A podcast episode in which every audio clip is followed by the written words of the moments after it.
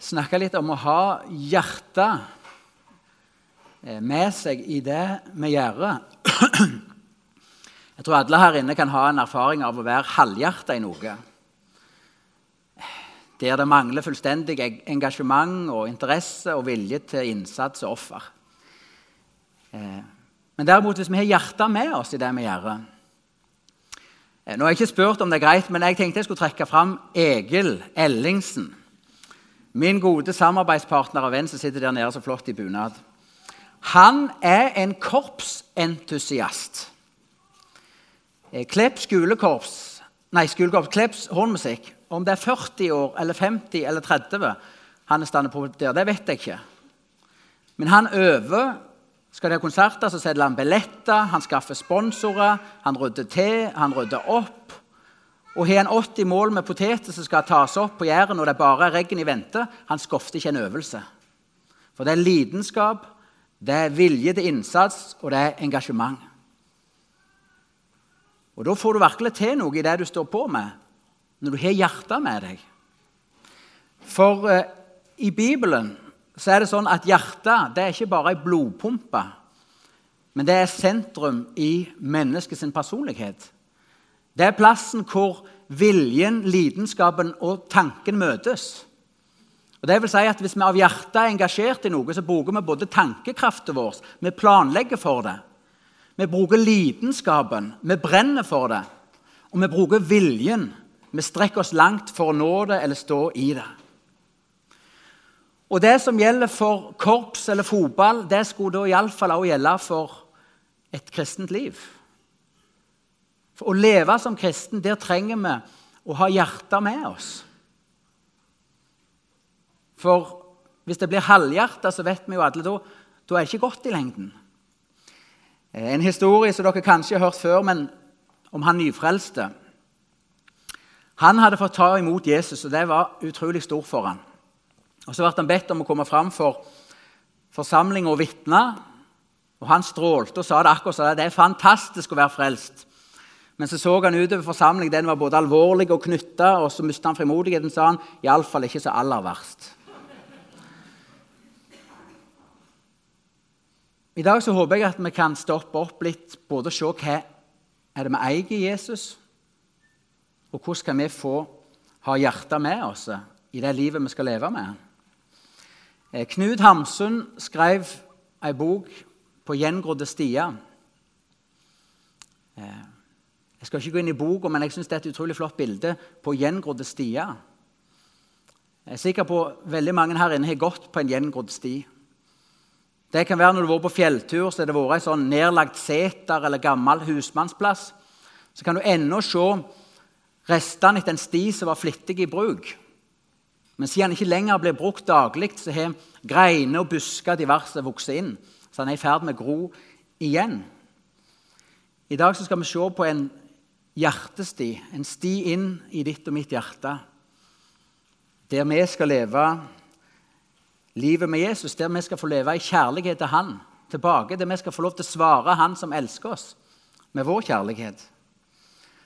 Og For å få hjelp til denne hjertesjekken i dag, så skal vi gå til en tekst i Johannes' åpenbaring, det siste boka i Bibelen, eh, kapittel 2 og vers 1-7. Skriv til engelen for forsamlinga i Efesos. Dette sier han som holder de sju stjernene i sin høyre hand, han som går omkring mellom de sju gullysestakene. Jeg veit om gjerningene dine. Du har streva, og du har hallet ut. Jeg veit òg at du ikke kan tåle de vonde. Du har prøvd de som kaller seg apostler, men ikke er det, og du har funnet at de er løgnere. Du har hallet ut, og du har tålt mye for mitt navns skyld, og ikke trøytna. Men dette har jeg imot deg. Du har gjevet opp din første kjærleik. Kom i hug hvor du sto før du fall. Vend om og gjør de gjerningene du gjorde før.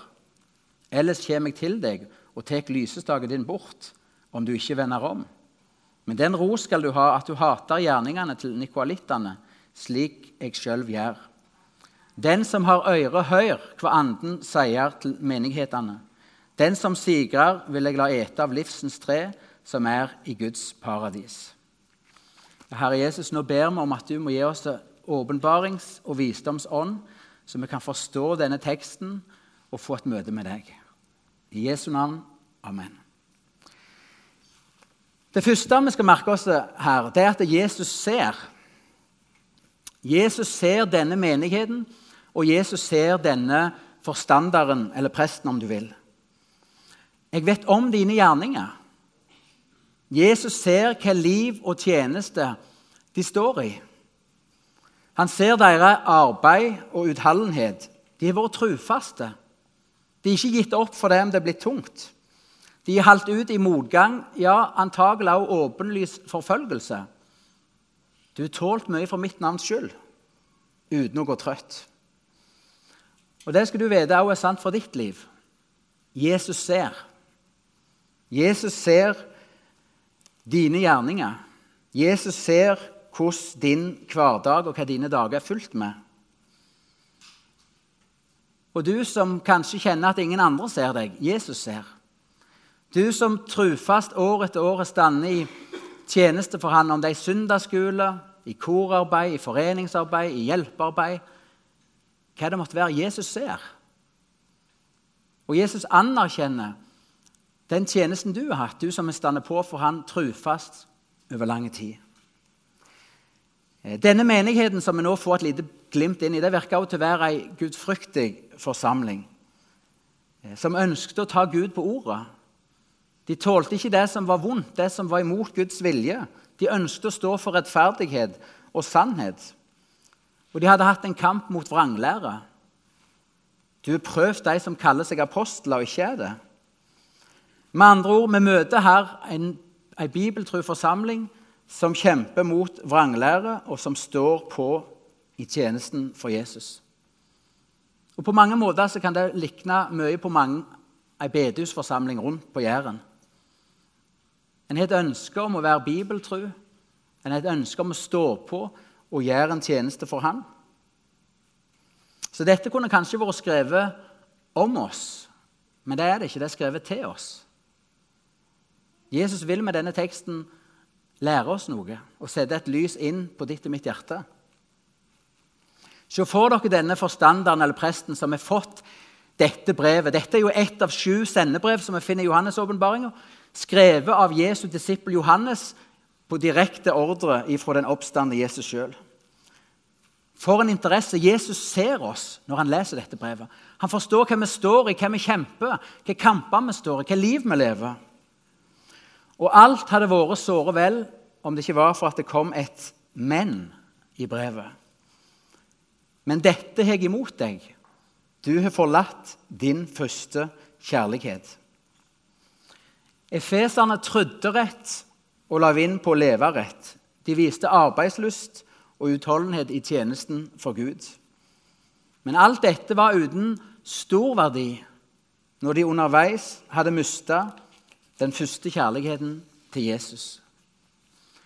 Å miste den første kjærligheten til Jesus handler om et indre frafall. Det er hjertet sitt frafall ifra Jesus. Selv om aktiviteten er stor, gudstjenestene ruller, offerkorget fylles, hjelpearbeid bedrives, bønnemøter arrangeres Selv om aktivitetshjulet ruller, så kan det likevel være sånn at hjerten er på vei vekk fra Jesus. Efeserne møtte nok fortsatt trufaste gudstjeneste. De var aktive og engasjerte. De bevarte i det ytre liv og lære ren og rett. Men underveis hadde kjærligheten til Jesus blitt mindre. Hva er din første kjærlighet til Jesus? Hva er den første kjærligheten? Jo, det er det som skjedde i ditt og mitt hjerte den dagen Jesus flytta inn og du var født på ny. Den dagen et menneske blir en kristen, så sier Bibelen at Guds kjærlighet er utøst i våre hjerter ved Den hellige ånd. Vi mottar Guds kjærlighet. Og denne kjærligheten som vi tar imot, skaper en frukt, en respons, i ditt og mitt hjerte, i ditt og mitt liv. Det er som et nytt kretsløp settes i gang av at Guds kjærlighet utøses inn i våre hjerter.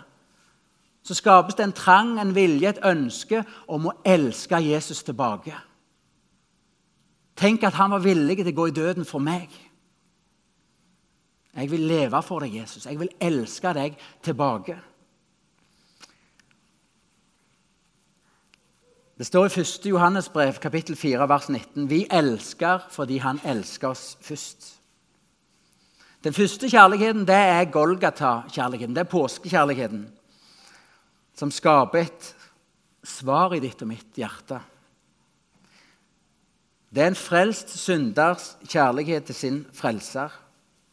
Og Jesus sier selv i Lukas 7,47.: Hennes mange synder er tilgitt. Derfor har hun vist stor kjærlighet. Men den som får lite tilgitt, elsker lite. Jeg husker selv når jeg var 21 år gammel. Da fikk jeg et nytt møte med Jesus som forandra livet mitt. Om jeg ble frelst, om jeg hadde gått helt vekk fra Jesus, det vet jeg ikke. Men jeg forsto at han elska meg. Jeg forsto at det han hadde gjort på korset, det var også for meg. Og så forsto jeg at han lengta at jeg skulle komme tilbake. Ikke for at han skulle sitte med pekefingeren over mitt liv, men for han ville leve med meg. Og når jeg fikk lov til å ta imot dette gode budskapet, så skaptes det en vilje i meg til å leve for Jesus. Det var ikke noe sånn 'Nå må du begynne' Nei, jeg hadde lyst til det. Det var det jeg ville. Det skjedde noe i hjertet mitt. Det var ikke sånn 'Nå må du elske Jesus'. Nei, jeg hadde så lyst til å elske han tilbake, for han hadde gjort alt for meg. Det var ikke sånn 'Nå må du be til Jesus'. Nei, jeg hadde lyst til å be til Jesus. Jeg hadde lyst til å søke han. Hva vil du med livet mitt? Fordi hans kjærlighet hadde skapt en respons i mitt hjerte. Jeg ville elske han tilbake. Han som levde og gikk i døden for meg. Jeg ville leve for han. Og så er det sånn at Alt liv må fornyes. Forfallet kommer av seg sjøl. Og Jesus sier, 'Bli i min kjærlighet'. Så bærer dere frukt. Og hvis den første kjærlighet, min første kjærlighet til Jesus, hvis den skal være levende i mitt liv, så må han stadig fornyes med at han får elske meg, at jeg forblir i hans kjærlighet. Store ord, tenker du kanskje. Vær mer konkret. Hvordan kan vi se kjennetegn på den første kjærlighet i, i mitt liv, i ditt liv. Jeg skal gi noen knagger. Takknemlighet. Det tenker jeg er et kjennetegn på at vi lever i den første kjærlighet til Jesus. Takknemlighet til Han for stort og smått. For at Han elsker oss inn i døden. For Han oppsto til vår rettferdighet. For at vi har fått barnekår og arverett. For at vi har mat å ete i dag. For at vi får leve et liv med Han her og nå. Et kristenliv preget av takknemlighet det tenker jeg er et kjennetegn på at vi lever i den første kjærlighet. Begeistring for Jesus det skal vi jo være veldig forsiktige med i våre sammenhenger. For vi er jo redde for at det skal bli sværmarsk og litt som sånn følelsesavhengig. Men vet du hva? Vi kan stå og rope som galne når Norge spiller VM i håndball. eller Nord... Jeg vet ikke, jeg var med og stakte Northug til femmilsgullet i Lahti. Jeg var helt vill. Jeg var der. Vi er forskjellige som folk. Noen uttrykker det sterkt og svakt, men vi har følelser. Vi er mennesker følelser, og vi har lidenskap. Vi vil leve for noe.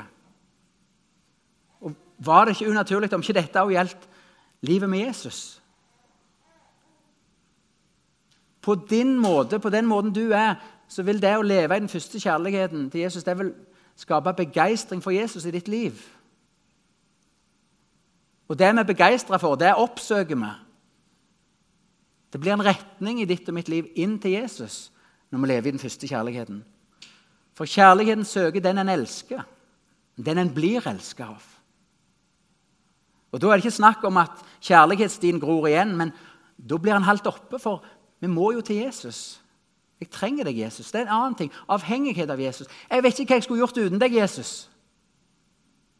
Jeg vet ikke hvordan mitt liv skulle vært uten deg. Jeg kan ikke tenke meg Jesus, et liv uten deg, her og nå og for evig. Overgivelse det er et annet kjennetegn. Gud skaper med sin kjærlighet og sin nåde og sin hellige ånd en ny vilje i oss. En vilje til å ville det han vil. En vilje til å si 'Jesus, her er jeg. Bruk meg. Send meg. Tenn meg.' Vi vil, vi vil gi oss til han tilbake. Men når det begynner å skrumpe inn på den første kjærligheten, så blir det mer 'ta en annen' heller. Bruk heller han. Da ønsker vi å være litt mer i fred og heller ordne livet vårt sånn vi vil, for oss sjøl. Skal gi et lite sånn eksempel. Det er et haltende eksempel, men se for dere et ektepar. Vi skal ikke kalle de Hege og Sølve, men uh, vi sier Ola og Kari, så er det lettere å inkludere alle i det. De gifter seg fordi de elsker hverandre. Dette er ikke sånn kontrakt og tvangsekteskap, men de elsker hverandre. Det er en gjensidig kjærlighet som gjør at Kari svarer ja i kirka, og Ola svarer ja. Denne gjensidige kjærligheten binder de sammen. De blir ett. Og I starten så er det sånn at uh, Kari vet ikke hva godt du skal gjøre for Ola. Ola er til meg sånn at Når han får god middag, så begynner han å nynne. Og hun elsker den lyden. Så vet du at han liker så godt kjøttkake. så Hun står og rører i denne kjøttkakegryta, og så tenker hun på nynninga til Ola. at å, nå skal vi snart ha middag, når han kommer inn. Nå er det fortsatt gjerne kjøttkake til middag, men underveis er det skitt noe med hjerteforholdet. Den gjensidige kjærligheten den, den har på en måte kjølna i dette ekteskapet. Det er fortsatt kjøttkake på bordet, men det er fordi vi pleier å ha det på onsdag. I starten var det sånn at Kari også kunne si til venninne og naboer at vet du, hun måtte si noe godt om han Ola. Tenk, det var jeg som skulle ende opp med Ola. Ja, det var mange som ville det. Ja, han er så god, han Ola. Visste vi ikke godt du skulle si. Fortsatt kan du tale vel om Ola, men nå er det kanskje enda mer drivkraften at hun vil ha fram at de har et vellykka, godt ekteskap. At de har orden på ting. I starten så kunne Ola han kunne klippe den lange alleen inn oppkjørsla, hekken der. Han visste at Kari elska rette linje. Så han klipte den med sånn presisjon. Og så tenkte han på Karin han sto der og klipte. Han ville glede henne med det. Tenk når hun kommer kjørende hjem fra butikken og ser den. Fortsatt er hekken på G, men nå er det en av naboene han tenker på. At de skal se at det er på stell her til gårds. Er dere med på dette bildet? Ytre sett så kan det se helt likt ut for dette ekteparet. Men hjertene er blitt vendt ifra hverandre. Det er ikke lenger den gjensidige kjærligheten som skaper dette fellesskapet, dette livet. Og Det som gjelder et ekteskap, det kan også gjelde i kristenlivet. I ditt og mitt liv med Jesus. Ytre sett så kan det se helt likt ut. Vi er aktive, engasjerte, vi er med, og vi vet ikke, ikke måte på alt vi er. Men det er ikke sikkert at det er den første kjærligheten som driver oss. Ønsket om å få elske han tilbake. Du kan være en aktiv kristen, og du kan ofre arbeidet for misjon og menighet. og hva det måtte være. Men det er ikke sikkert at det er Kristi kjærlighet som driver deg og meg lenger. Det går an å drive bønnearbeid og barnearbeid, barmhjertighetsarbeid. Alt mulig. Du kan få anerkjennelse for Jesus for lang og trufast tjeneste, men fortsatt få høre et mektig 'men'. Men dette er imot deg, at du har forlatt din første kjærlighet. Og I dag så ber Jesus oss om å stoppe opp og tenke. For Jesus sier, 'Tenk på hvor du sto før du falt'.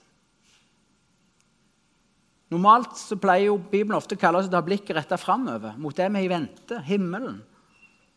Men i dag så ber Jesus om å stoppe og ta et blikk tilbake.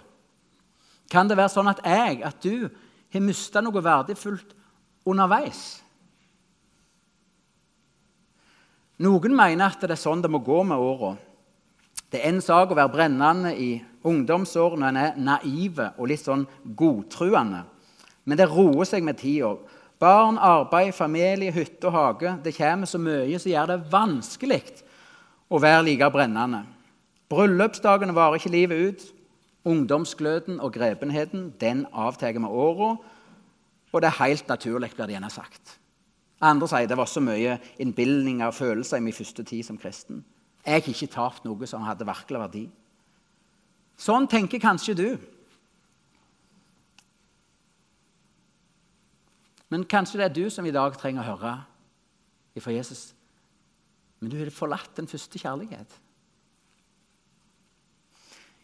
Alt det flotte og rosverdige som fantes i Efesus-menigheten, kunne aldri erstatte den første kjærligheten sin plass. For størst av alt er kjærligheten, eller størst blant dem er kjærligheten, sier Bibelen. Og Når det svikter i en kristens liv på dette punkt, så svikter det på et avgjørende punkt. For kristent arbeid og livet som kristen var meint å være drevet fram av den første kjærligheten til Jesus. Takknemligheten over Han som elsker oss først. Og Det sitter langt inne, det er iallfall min erfaring. Det sitter utrolig langt inne å erkjenne at ja, jeg er i ferd med å gå vekk. Ja, jeg har gått vekk fra min første kjærlighet til Jesus. For det er så lett å slå seg til ro med at nå ytrer ting seg greie ut. Jeg er aktiv, jeg er med, jeg er i en tjeneste. Jeg er engasjert, og vi i tillegg liksom lener oss litt på Vi har jo en solid luthersk teologi i bunnen. Liksom alle disse viktige tingene på plass er det så lett å tenke ja, men det er greit med meg. Så tror jeg òg at vi mennesker har en tendens til å gjerne overvurdere vår egen tilstand, mens vi lett ser feil og mangler hos andre. Så mitt poeng det er lett. Det er utrolig vanskelig å bli klar over hjerte, sin egen hjertetilstand. Vi trenger at Guds ord får lov til å bli et lys som opplyser oss. Sånn som det står i hvert av sendebrevene. Den som har øre, hør hva Ånden sier. I 2009, desember 2009 så fikk jeg en uh, eh, SMS. Jeg har fått flere SMS etter altså, men da fikk jeg en uh, litt spesiell SMS. Det var fra en, uh, jeg vil si en kamerat, men jeg hadde ikke mye kontakt med han. Sånn er det jo i livet at noen har du mye kontakt med på et tidspunkt, så skilles veiene. Han var en av dem. Vi bodde ikke lenger samme plass, men da fikk jeg en SMS der det sto Jeg fikk dette i natt. Jeg er, jeg er ganske sikker på det til deg. Be over det. Så kom det en, en, et budskap. Det var sånn som dette. Jeg ser du sliper dine sverd skarpe. Du slår hardt, og du sier at du gjør det for meg. Men vit det, Sølve, at sannhet uten kjærlighet aldri er for meg. Denne meldingen traff meg ikke sånn umiddelbart. Jeg forsto med en gang innholdet. Sverdet, det var budskapene mine, det var talene mine. Jeg begynte å se over talemanusene mine om jeg hadde en sånn sann forkynnelse både av Guds nåde og av kallet til omvendelse. Og Så langt jeg kunne bedømme teologien i talene mine, så var han god. Og Jeg hadde opplevd selv det at Jesus hadde lagt bibeltekster, ting som hadde begynt å brenne i mitt hjerte. Som jeg hadde en sånn djup overbevisning om dette ber Jesus meg om å gå med. Sånne vekkelsestaler det kristne om å ta imot Jesus som herre. Så, så for meg så ble det litt sånn Jeg følte ikke det traff.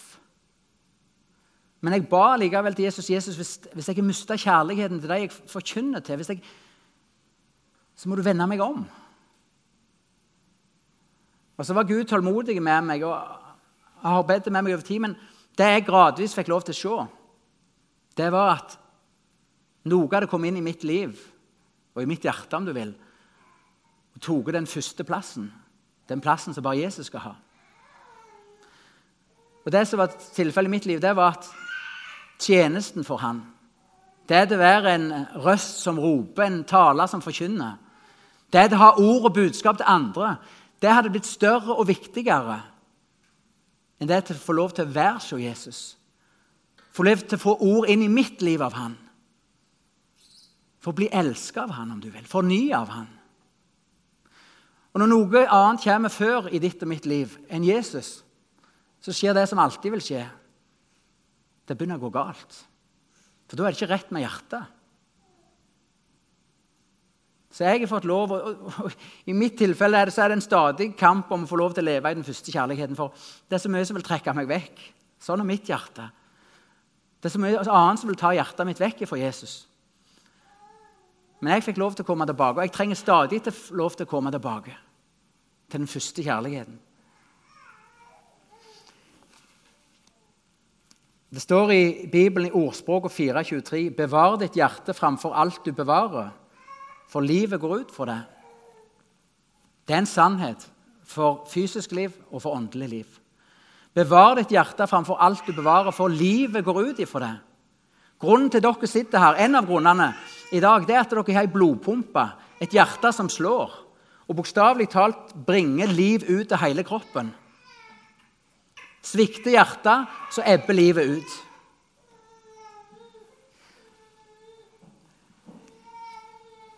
Jeg hadde en farfar som jeg var veldig glad i og veldig stolt av.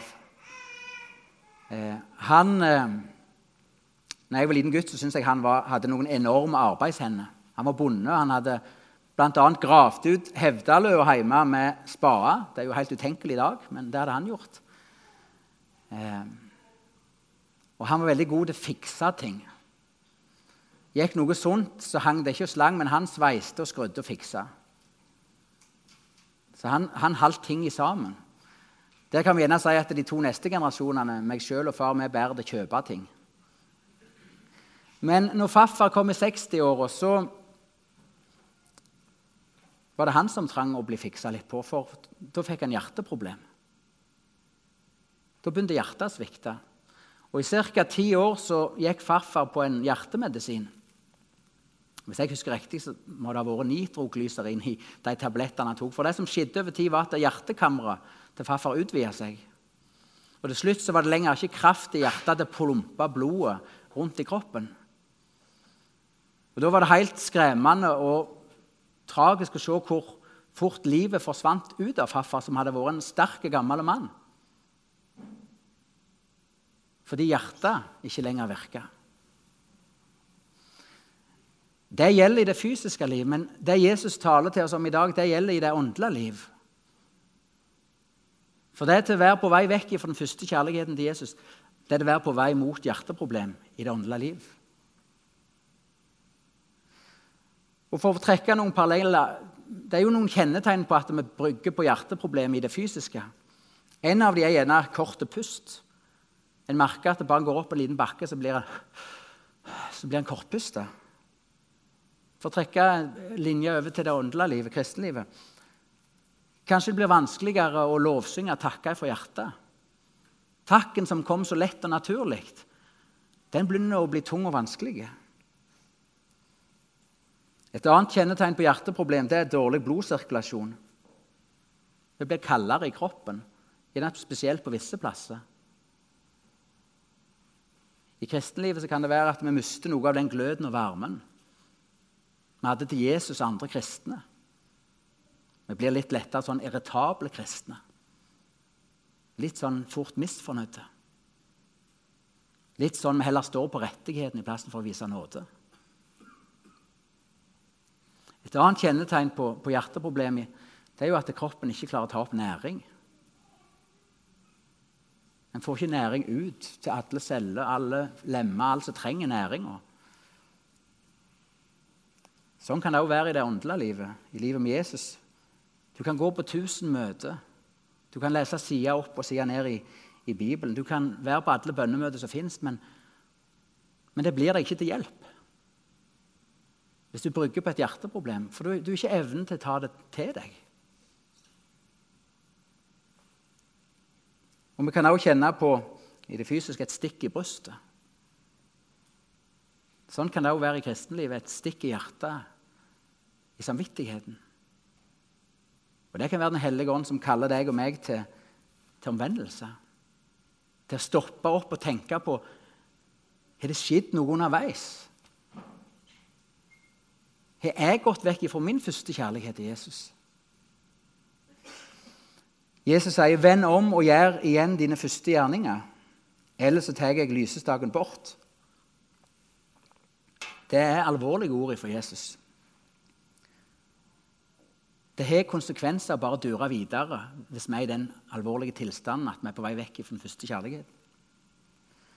Men Jesus sender oss sine advarsler mens det ennå er tid til å vende om. Vend om, ellers så kommer jeg og tar lysestaken fra deg. Guds lys kunne bli slått i Efesus. Menigheten ville gå en åndelig død i møte hvis ikke omvendelse skjedde. Det er nok ikke her tale om et fullført frafall, men Jesus som ser inn i ditt og mitt hjerte, som så deres hjerte, han så en retning som ville bety død, åndelig død, om menigheten, om forstanderen fortsetter. Og Sendebrevet til menigheten i Efesus forteller oss at i Guds øyne er også hjertets hemmelige frafall et virkelig fall.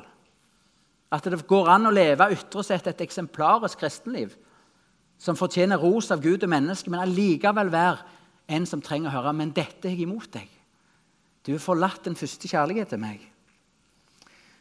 Vet du hva? Dette er et kjærlig rop fra himmelen til oss. Fra den fullkomne far som vil at vi skal ha hjertene med oss i de liv vi lever. Også i kristenlivet. Vi bor på sida Postveien oppe på Anda Serheim. Og Der er det mange biler som kjører utrolig fort forbi. Hvis jeg en dag hadde sett Tiril, Oda, Levi og Kristoffer springe kappspring etter en ball som trilte ut utkjørsler, og jeg så den store Risa-bilen komme kjørende i 100, så var det ikke sånn jeg hadde sagt Tiril, Oda, Levi, Kristoffer Tenk dere litt om om kroppene deres vil tåle møtet med den bilen, den farten og masse i bevegelse. Jeg hadde sagt 'Tiril! Oda! Stopp!' Hadde jeg ropt. Bil! Og Sånn tenker jeg om sendebrevet og det brevet vi ser på i dag. Det er et rop fra himmelen til elska barn om å vende om. For den kursen som en nå har, den er farlig. På gjengrodde stier Jesus har bedt oss i dag om å stoppe opp, se oss tilbake og tenke oss om. Om vi har mista noe uendelig verdifullt underveis. Hvordan kan vi komme tilbake igjen til vår første kjærlighet til Jesus? Det er jo et viktig spørsmål nå på slutten. Vet du hva? Jeg har en god nyhet. Det er en her inne i dag som aldri har gått vekk fra sin første kjærlighet til deg, og det er Jesus. Jesus elsker deg så høyt at han var villig til å smake både pisk, spott, kors og død for din skyld. Etter at Pilatus hadde dømt han til døden, han som var uskyldig, gikk han lidelsens vei gjennom Jerusalems gater og opp til Golgata. Og når Jesus gikk denne veien, da åpna han opp en gjengrodd sti inn til ditt og mitt hjerte. Når han bar bort våre synder, så åpna han veien for at Guds tilgivelse og fred skulle kunne komme flommende som ei mektig elv inn i ditt mitt liv. Bibelen sier vi elsker fordi han elsker oss først. Og Sannheten for oss alle er at vi kan bare elskes tilbake til den første kjærlighet. Vi kan ikke tvinges, vi kan ikke presses, vi kan ikke trues. Ja, Vi skal ta advarslene på alvor, men det er bare hans kjærlighet. Det er bare hans tilgivelse. Bare at vi gir han rett, som kan føre oss tilbake. Vi klarer ikke ta oss sammen og, og finne veien. Vi klarer ikke skape denne veien. Vi klarer ikke gå opp denne stien. Men han gikk han opp. Han åpna den. Men det er òg et alvor i dette. Hjerteproblem er ikke noe det spøker med. Et lys kan bli slukt, men motsatt. Et hjerte kan bli rensa og på ny fulgt av Jesu kjærlighet. Det er en liten gospelsang som har levd litt i meg med dette. Og Det er sangen 'Take Me Back'. Take me back, O Lord, to the place where I first received you. Ta meg tilbake, Jesus, til, det, til den plassen hvor jeg for første gang tok imot deg. Og Kanskje dette skal være en bønn for deg i dag, for meg i dag. Jesus, ta meg tilbake. Ta meg tilbake til sånn som jeg hadde det den gang.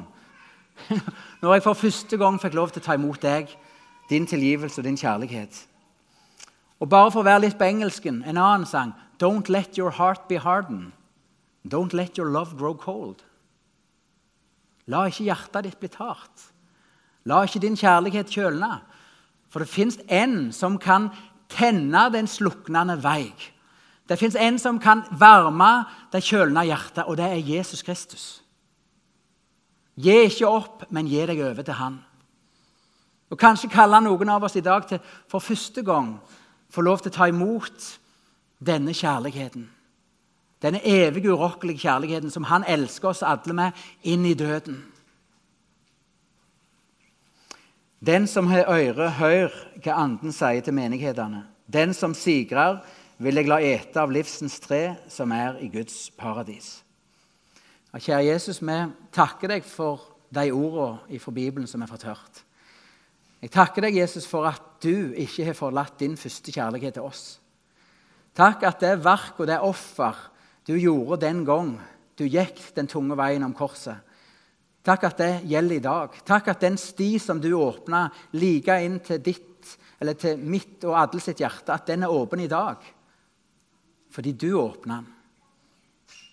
Jeg ber Jesus om at vi må få ha ører som hører det Ånden vil si til oss. At vi ikke overser stikket i hjertet eller ditt kall til omvendelse. Men at vi kommer til deg, Jesus, med våre hjerte, vårt liv, sånn at du kan få stille med oss. Vi ber om det i Jesu navn. Amen.